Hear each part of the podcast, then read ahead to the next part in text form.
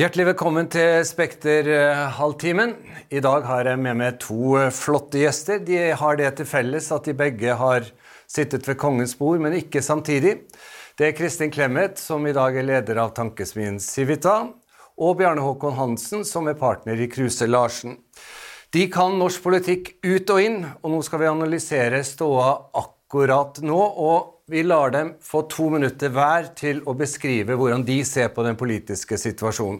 Kristin Clemet først, vær så god.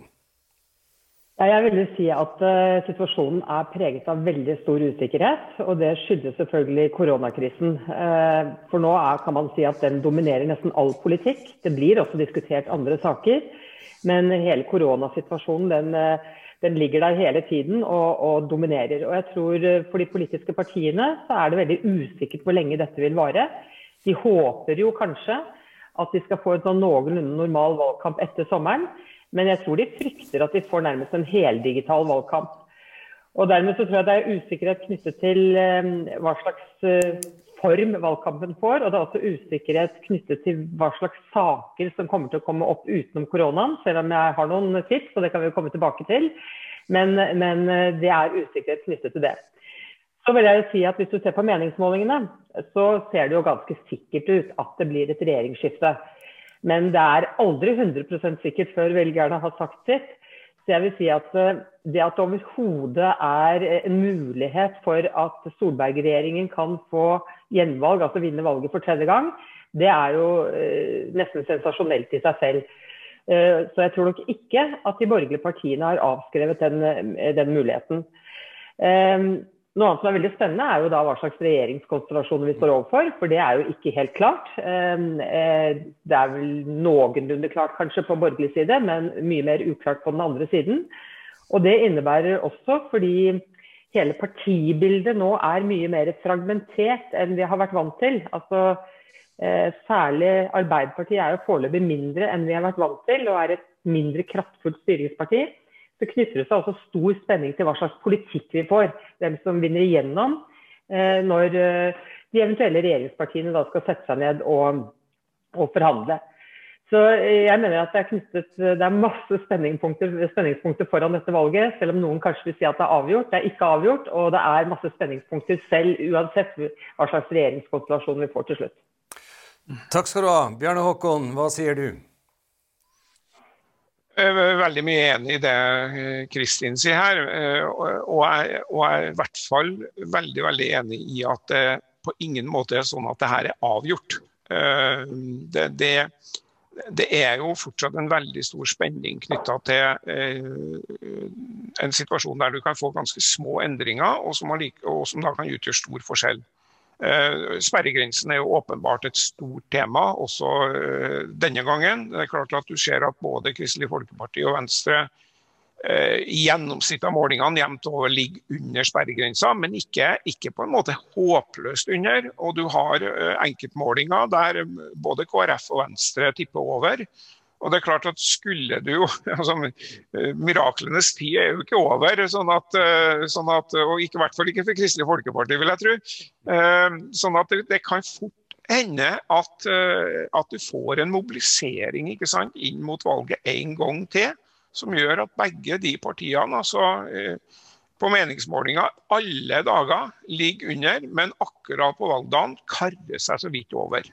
Uh, og det er klart at Hvis det skjer, eh, og, som, og det, det, er større ting i norsk politikk som har skjedd innen det, eh, Høyre fortsetter å gjøre det så bra som de gjør det. ikke sant? De er jo nå landets største parti, har vært stabilt ganske høyt oppe på målingene i lang tid. Og du får da en viss sånn type uh, Sylvi Listhaug-effekt. Det er kanskje den jeg er mest usikker på. Mm. Eh, men la oss si at eh, Fremskrittspartiet i hvert fall la greie en sånn 10-11-12% så, så er det absolutt ikke usannsynlig at, eh, at du får et borgerlig flertall en gang til. Mm. Og På andre sida så har du i og for seg akkurat samme spenninga knytta til MDG. altså de, jo, de har jo en litt motsatt tendens. At de i men meningsmålinger har en tendens å ligge over sperregrensa, men på valg ligge under. Eh, det samme med Rødt, som jo i valg eh, som oftest ligger klart under. men som har enkeltmålinger der de ligger over. Og det er klart at Tar du den vrien, at du tar Venstre og KrF over og MDG og Rødt under, så er dette absolutt uh, spennende fortsatt. Men jeg er jo enig med Kristin i at skulle jeg måtte sette penger på noe i dag, så ville jeg jo ha satt pengene på at det blir et rød-grønt flertall, og at du får en, en, en, en ny rød-grønn regjering i, en eller annen form etter valget i høst. Men men som sagt, eh, jeg tror verken Jonas Gahr Støre eller Trygve Slagsvold Veum eller noen av dem på rød-grønn side liksom eh, legger seg om kveldene og tenker at det der, det der løpet er kjørt. Før vi, tar, eh, før vi tar holdt på å si politikken, dette er definitivt politikken vi holder på med, men, men, skal vi bare forsøke å avklare hvilke alternativer står vi overfor? Altså, Bjarne Håkon, Slagsvold Vedum vil jo ikke ha med SV. Mm. Nei da, jeg, jeg, tenker jo det at hvis de tre gamle rød-grønne partiene, altså SV, Senterpartiet og Arbeiderpartiet, får flertall, eh, da, da, da, blir det her en, en intens diskusjon på rød-grønn side, der jo Jonas Gahr Støre og eh, Audun Lysbakken vil insistere på en flertallsregjering. Fordeler med det. ikke sant, den her gamle Stoltenberg-argumentasjon om at det er en uendelig stor fordel å ta diskusjonen internt i regjeringa og slippe å ta den eh, hver eneste gang i Stortinget. Og, og, og jeg, jeg, tror, jeg, tror, jo at hvis det blir et rød-grønt flertall i form av at de tre partiene har flertall, så tror jeg det heller i retning at du får en flertallsregjering. Mm. Hvis, hvis de tre partiene ikke har flertall, altså at de er avhengig av MDG og Rødt, Eh, for å få et flertall i Stortinget, da er jeg helt sikker på at det blir en regjering av Arbeiderpartiet og Senterpartiet. Altså, da, vil, da vil den regjeringa være mye mer interessert i å si at eh, da må vi stå mye friere i, i, i spillerommet i, i, Stortinget. Enig i det, Kristin? Ja, jeg er ikke så, altså det, men det er verdt å merke seg at motstanden i Senterpartiet mot å ta med SV, den stiger jo. Så det er ikke noe sånn quick fix å danne en regjering med SV. Eh, i forhold til Senterpartiet, men jeg er enig i at sjansene øker hvis de tre partiene får flertall. Men man kan jo også komme i en situasjon som Bjørn Håkon nevner, nemlig at de ikke får det. Og da blir de avhengig av, hvis de bare skal forholde seg til venstresiden, så blir de avhengig av Rødt og eller MDG. Eh, og det er nok ganske tøft for Senterpartiet, eh, sikkert også andre. Og da vil de kanskje finne det mer bekvemt også kunne spille på borgerlig side og sitte i en mindretallsregjering. Så jeg deler nok langt på vei den analysen som Jan Håkon har der. På den andre siden, da? Du sa at det var mer ja, da, da, ja, der bedømmer jeg det slik at sannsynligheten for at Fremskrittspartiet skal bli så store og sterke ved dette valget at de selv ville ønske å begynne å diskutere regjeringsmakt, den holder jeg for veldig liten. Altså Jeg tror deres strategi er å bli størst mulig nå.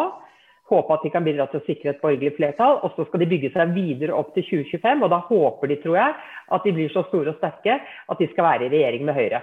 Du tar, det for gitt, eh, du, du tar det for gitt at de vil støtte en, en Solberg-regjering som de ikke selv sitter i? Ja, altså der, eh, jeg tror at i valget mellom Støre og Solberg, så må det bli Solberg. Men så tror jeg det, vi kan reise spørsmål hvor stabilt blir Fremskrittspartiet som støtteparti? Det kan nok reise spørsmål om. For de vil jo gjerne også være i opposisjon og vise seg frem hvis de skal fortsette å vokse frem mot 2025. Så om Eh, jeg, så jeg tror det mest sannsynlige er, hvis vi får et borgerlig flertall, at den nåværende regjeringen fortsetter. Men, og at vi har på en måte Fremskrittspartiet som et støtteparti, fordi Fremskrittspartiet ikke vil skifte ut Solberg med Støre. Men at vi ikke er eh, nødvendigvis et veldig stabilt støtteparti. Mm. Eh, og da kan man jo selvfølgelig havne i en situasjon hvor man i noe større utstrekning enn Erna Solberg har gjort det nå, da, må sette litt mer hardt mot hardt. Det kan jo tenkes. Eh, så risikoen eller sannsynligheten for at vi på begge sider kan få en ganske sånn vanskelig situasjon, som er politisk vanskelig, og som også blir økonomisk mye tøffere, eh, er ganske stor. Eh, uansett hvilket flertall vi får. Enig i den oppsummeringa, Bjørn Håkon? Ja, jeg er det. absolutt. Ja. Da, da tar vi en runde på valgkampen med all usikkerhet og sånn blir digital, eller om vi kanskje kan få lov til å gå på gode, gamle folkemøter igjen. Men innholdet i valgkampen, hvilke saker ser dere for dere kommer til å prege årets valgkamp? Hva kommer til å stå i fokus? Vil man begynne på Frøya? Bjørn Håkon? Ja, altså det jeg vet ikke om jeg er i stand til å svare utfyllende, skal jeg si, men, men, det som i hvert fall synes litt spesielt og, og, veldig klart, det er jo at vi for første gang på veldig mange år kommer til å få en valgkamp der distriktspolitikk eh, for å bruke den betegnelsen, altså forholdet mellom by og land, distriktenes eh, eh, posisjon, kommer til å bli veldig viktig. og det og Det ser vi egentlig allerede nå. Et veldig godt bilde er jo ferjesaken. altså det her Spørsmålet om ferjepriser, som jo har virkelig plutselig blitt løfta opp som et svært tema. Og der alle, alle partier på Stortinget nå er veldig opptatt av å gjøre ferjeprisene billigere. Og Det skyldes jo ikke sant at nå har uh, Senterpartiet forsynt seg så grovt av velgere til både kanskje særlig Fremskrittspartiet og Arbeiderpartiet, men i og for seg tatt velgere fra veldig mange partier. At, at, på mange måter så er det kampen om de siste kan du si, Senterpartiet fra 10 til 20% de 10 prosentene er på en måte er, er, alle veldig interessert i å prøve å fighte noe tilbake på. Sånn at vi, vi og samtidig kommer de til å være opptatt av å utfordre Senterpartiet. ikke sant? Altså Senterpartiet har på mange måter nå fått gått litt under radaren og bare snakka om seg sjøl uten å møte motstand, og det kan man ikke leve videre med. Så distriktspolitikk kommer til å bli et stort tema. Ser du det slik også? Ja. ja, altså for det første skal jeg ta et lite forbehold i forhold til Vi har jo en kommisjon på gang som evaluerer håndteringen av koronakrisen. Altså det mer smittefaglige osv. Og, så og den kommer jo i mars etter påskevel. Eh, og det kan jo sette en slags dagsorden. Det er litt tidlig å si, men det kan sette en dagsorden avhengig av hva som står, står der. Ellers er jeg jo enig i at eh, rent matematisk så er det jo Senterpartiet som er omdreiningspunktet i denne valgkampen. Det er jo de som har tatt alle stemmene fra borgerlig side, eh, sånn at den rød-grønne leder, og i og for seg også tatt eh, stemmer fra Arbeiderpartiet. Så eh, det vil være mange som vil være på jakt etter å få tilbake noen av Senterpartistemmene. For det er liksom nøkkelen til at borgerlig side skal kunne vinne.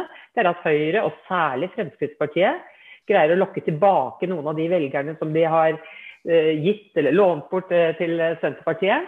Og, og, det kan man vel si at Arbeiderpartiet på den andre siden også for egen del kan være interessert i. Jeg tror at uh, noe som må være veldig sterkt i fokus, det er sysselsetting, verdiskaping, jobbskaping. Vi har mange arbeidsledige. Det må skapes nye jobber i privat sektor. Og dette har jo også med distriktene å gjøre. Altså, Bjørn Håkon er jo et sted nå eh, som er et godt eksempel på at det foregår enormt mye verdiskaping Eh, og det skapes arbeidsplasser i distriktene, så det henger jo sammen. Og så tror jeg mm, helsevesenet vårt kommer til å være på dagsordenen rett og slett også i kjølvannet av koronakrisen. Eh, så tror jeg det vil være eh, tematikk. Og så må jeg si, da, som har vært utdanningsminister, at skole er jo alltid der. Altså, Det forsvinner jo ikke ut av noen valgkamp. Så, men en del andre saker Eh, som er interessant da, synes jeg, i forhold til Fremskrittspartiets utfordringer. En del av de sakene som, hvor Fremskrittspartiet pleier å ha stor troverdighet, de tror jeg nå står ganske langt ned på i velgernes bevissthet. Eh, for vi, det ender jo som regel En valgkamp ender jo som regel med at man diskuterer de sakene velgerne syns er viktigst. Og innvandring, eh, kriminalitet, eh, til dels samferdsel, tror jeg ikke nå står så høyt på agendaen eh, hos, hos velgerne. Og det er en utfordring for Fremskrittspartiet. Tror, tror, du at koronakrisen, som selvfølgelig kan komme til å påvirke hele denne valgkampen, at den har skapt større forståelse for at vi må skape før vi kan forbruke?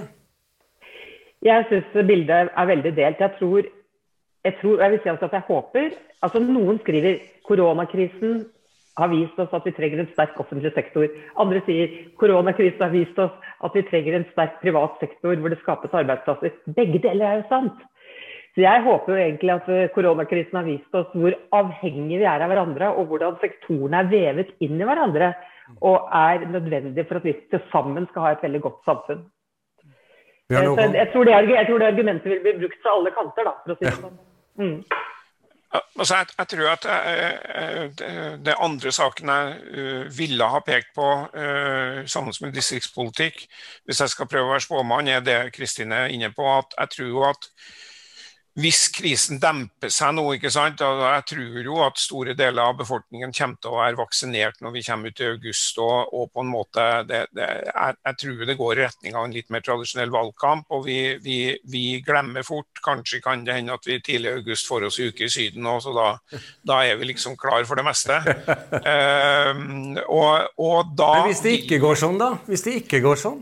Nei, da vil korona spille en større rolle i valgkampen. Men, men jeg men jeg, nå ber du oss være spåmenn, og da ja, tror jeg at vi er der. Uh, og da er det klart at da vil vi våkne opp til at det er ikke alle dem som er permittert i dag, som har noen jobb å gå tilbake til. altså Jobbene er rett og slett forsvunnet. Og da vil nok det her med sysselsetting, verdiskaping, nye jobber osv. være et annet av de her temaene som åpenbart kommer til å bli diskutert. Og Det er også et veldig interessant tema. Fordi at Når du ser på velgerundersøkelser fra valget i 2017, så kan du si at, at normalt så ville jo Jonas Gahr Støre og Arbeiderpartiet ha gnidd seg i hendene over en situasjon der f.eks. arbeidsledighet og sysselsetting ble en, et veldig viktig tema. Men hvis du ser på velgerundersøkelser, altså Bernt Årdals, uh, Årdals store velgerundersøkelse fra 2017, så er det jo sånn at uh, Arbeiderpartiet faktisk allerede da var i ferd med å miste sakseierskapet til det her uh, spørsmålene. Og, faktisk var det Høyre som seila opp som det partiet som de velgerne som satte dette temaet øverst på dagsordenen, hadde størst tillit til. Sånn at Det skal bli veldig spennende å se på hvordan nå sakseierskapet utvikler seg til, til verdiskaping, sysselsetting, skape nye jobber. Eh, fordi at det vil nok, Hvis ikke Arbeiderpartiet greier å ta tilbake det sakseierskapet, så tror jeg deres mulighet til på en måte å gjøre et, et valg over 5-6-27 er veldig begrensa. Mm. Eh, og det har igjen veldig stor betydning for det samla valgresultatet. Enig i det? Ja, jeg, er enig i det. Men når det gjelder, men når det gjelder sakseierskap, altså hvis, hvis, dette blir sentralt, så vil man se at eh, partiene sannsynligvis snakker om det på litt ulik måte. Eh, fordi de har eh, altså For å bruke et annet eksempel, så vet jeg selv fra skoleområdet da, at hvis Høyre snakker om kvalitet i skolen og kunnskap i skolen, så er Høyre høy troverdighet. Men så kan, skal man snakke om mat i skolen, så er kanskje ikke Høyre like høy troverdighet. Så Det er måten man snakker om det på, og hvordan man prioriterer innenfor et felt. Jeg vil tro at eh, mange partier egentlig syns det er bra hvis det er dette med jobbskaping og verdiskaping er, eh, er, er, er på dagsordenen. Dels fordi det er reelt, altså et reelt et virkelig problem. Det er ikke noe man finner på. Og fordi alle partier har jo en form for politikk på det området. Og så må vi kanskje legge til, for det har vi ikke nevnt, at klima selvfølgelig også vil være viktig. Eh, eh, det, jeg kan tenke meg at Venstre kommer til å snakke om verdiskaping eh, og grønt skifte og grønn omstilling. Men jeg tror ikke klima kommer til å flytte så veldig mange velgere. Fordi partiene, alle partier har etter hvert en klimapolitikk, og nå har vi et, hva skal jeg si, et litt antiklimaparti på begge sider. altså Både Senterpartiet og Fremskrittspartiet som konkurrerer litt om å være litt motstrøms innenfor klimapolitikken. Så man har kanskje opphevet litt Eh, det eh, virkningen av klimapolitikken som et felt som flytter velgere i stort monn. Mm.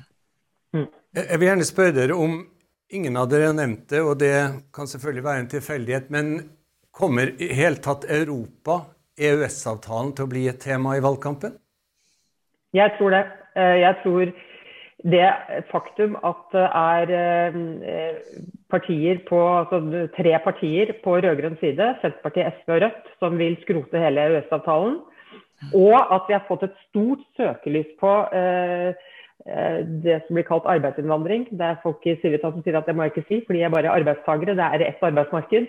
Men vi har fått et stort søkelys på avhengigheten av det, og det tror jeg kommer til å bli et viktig tema Uh, ute i, distriktene, rett og slett. Fordi uh, hvor avhengig man er både av, av, tilgang til markedene og tilgang til arbeidskraft. Så jeg tror det blir et stort tema. Eller kan bli et stort tema. Jeg er jo litt Altså jeg tror helt sikkert at det blir en del debatt rundt det. Men jeg, jeg tror nok at på det området så kommer Jonas Gahr Støre til å være veldig tydelig da, og si at, at, det er helt uaktuelt for Arbeiderpartiet å delta i en regjering som, er, som ønsker å skrote EØS-avtalen.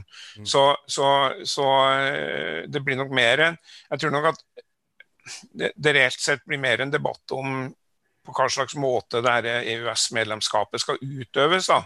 er nok uh, Gahr Støre kommer til å måtte av hensyn til sine partnere si at vi, skal være en mer kritisk EØS-medlem enn vi har vært så langt. Da. Men, men, jeg tenker at dette, dette, vil være et av de områdene der altså Du vil jo ikke få den type avtale i forkant tror jeg ikke, som du hadde mellom de tre rød-grønne partiene før 2005. Men, men, men Jonas Gahr Støre kommer til å være helt tydelig på at Arbeiderpartiet går ikke inn i regjering med en regjeringsplattform som handler om å si opp EØS-avtalen. Ja.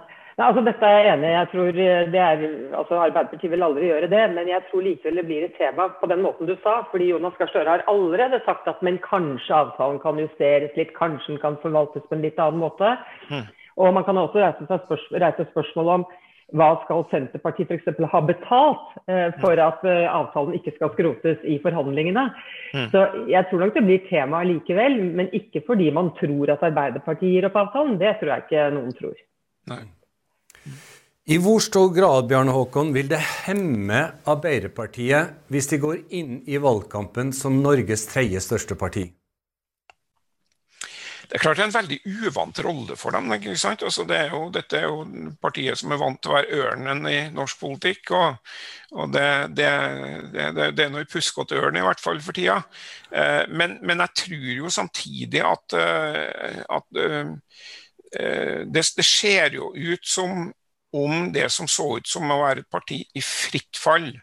Eh, at det, det, er tegn i tiden på at det nå har stabilisert seg rundt 20 da, som er et veldig lavt tall for Arbeiderpartiet. Men, men jeg tror nok mange, i, i, når det virkelig rasa, frykta at man skulle se tall som var enda mye mye lavere enn det. Så på en måte så ser det ut som at den lange valgkampen starter med et parti som da i hvert fall har fått en eller annen form for fast grunn under føttene, rundt 20% er det, er det fast grunn for Arbeiderpartiet? Nei, men, men det, er mer, det, er bedre enn at man liksom får 17 og 16 ja. og den ikke sant? Jeg, har jo, jeg, jeg minner jo om at jeg har vært eh, aktiv med i Arbeiderpartiet i tid der jeg tror vi hadde meningsmålinger helt ned på 14 altså etter 2001. Eh, og SV var mye større enn oss på meningsmålinger.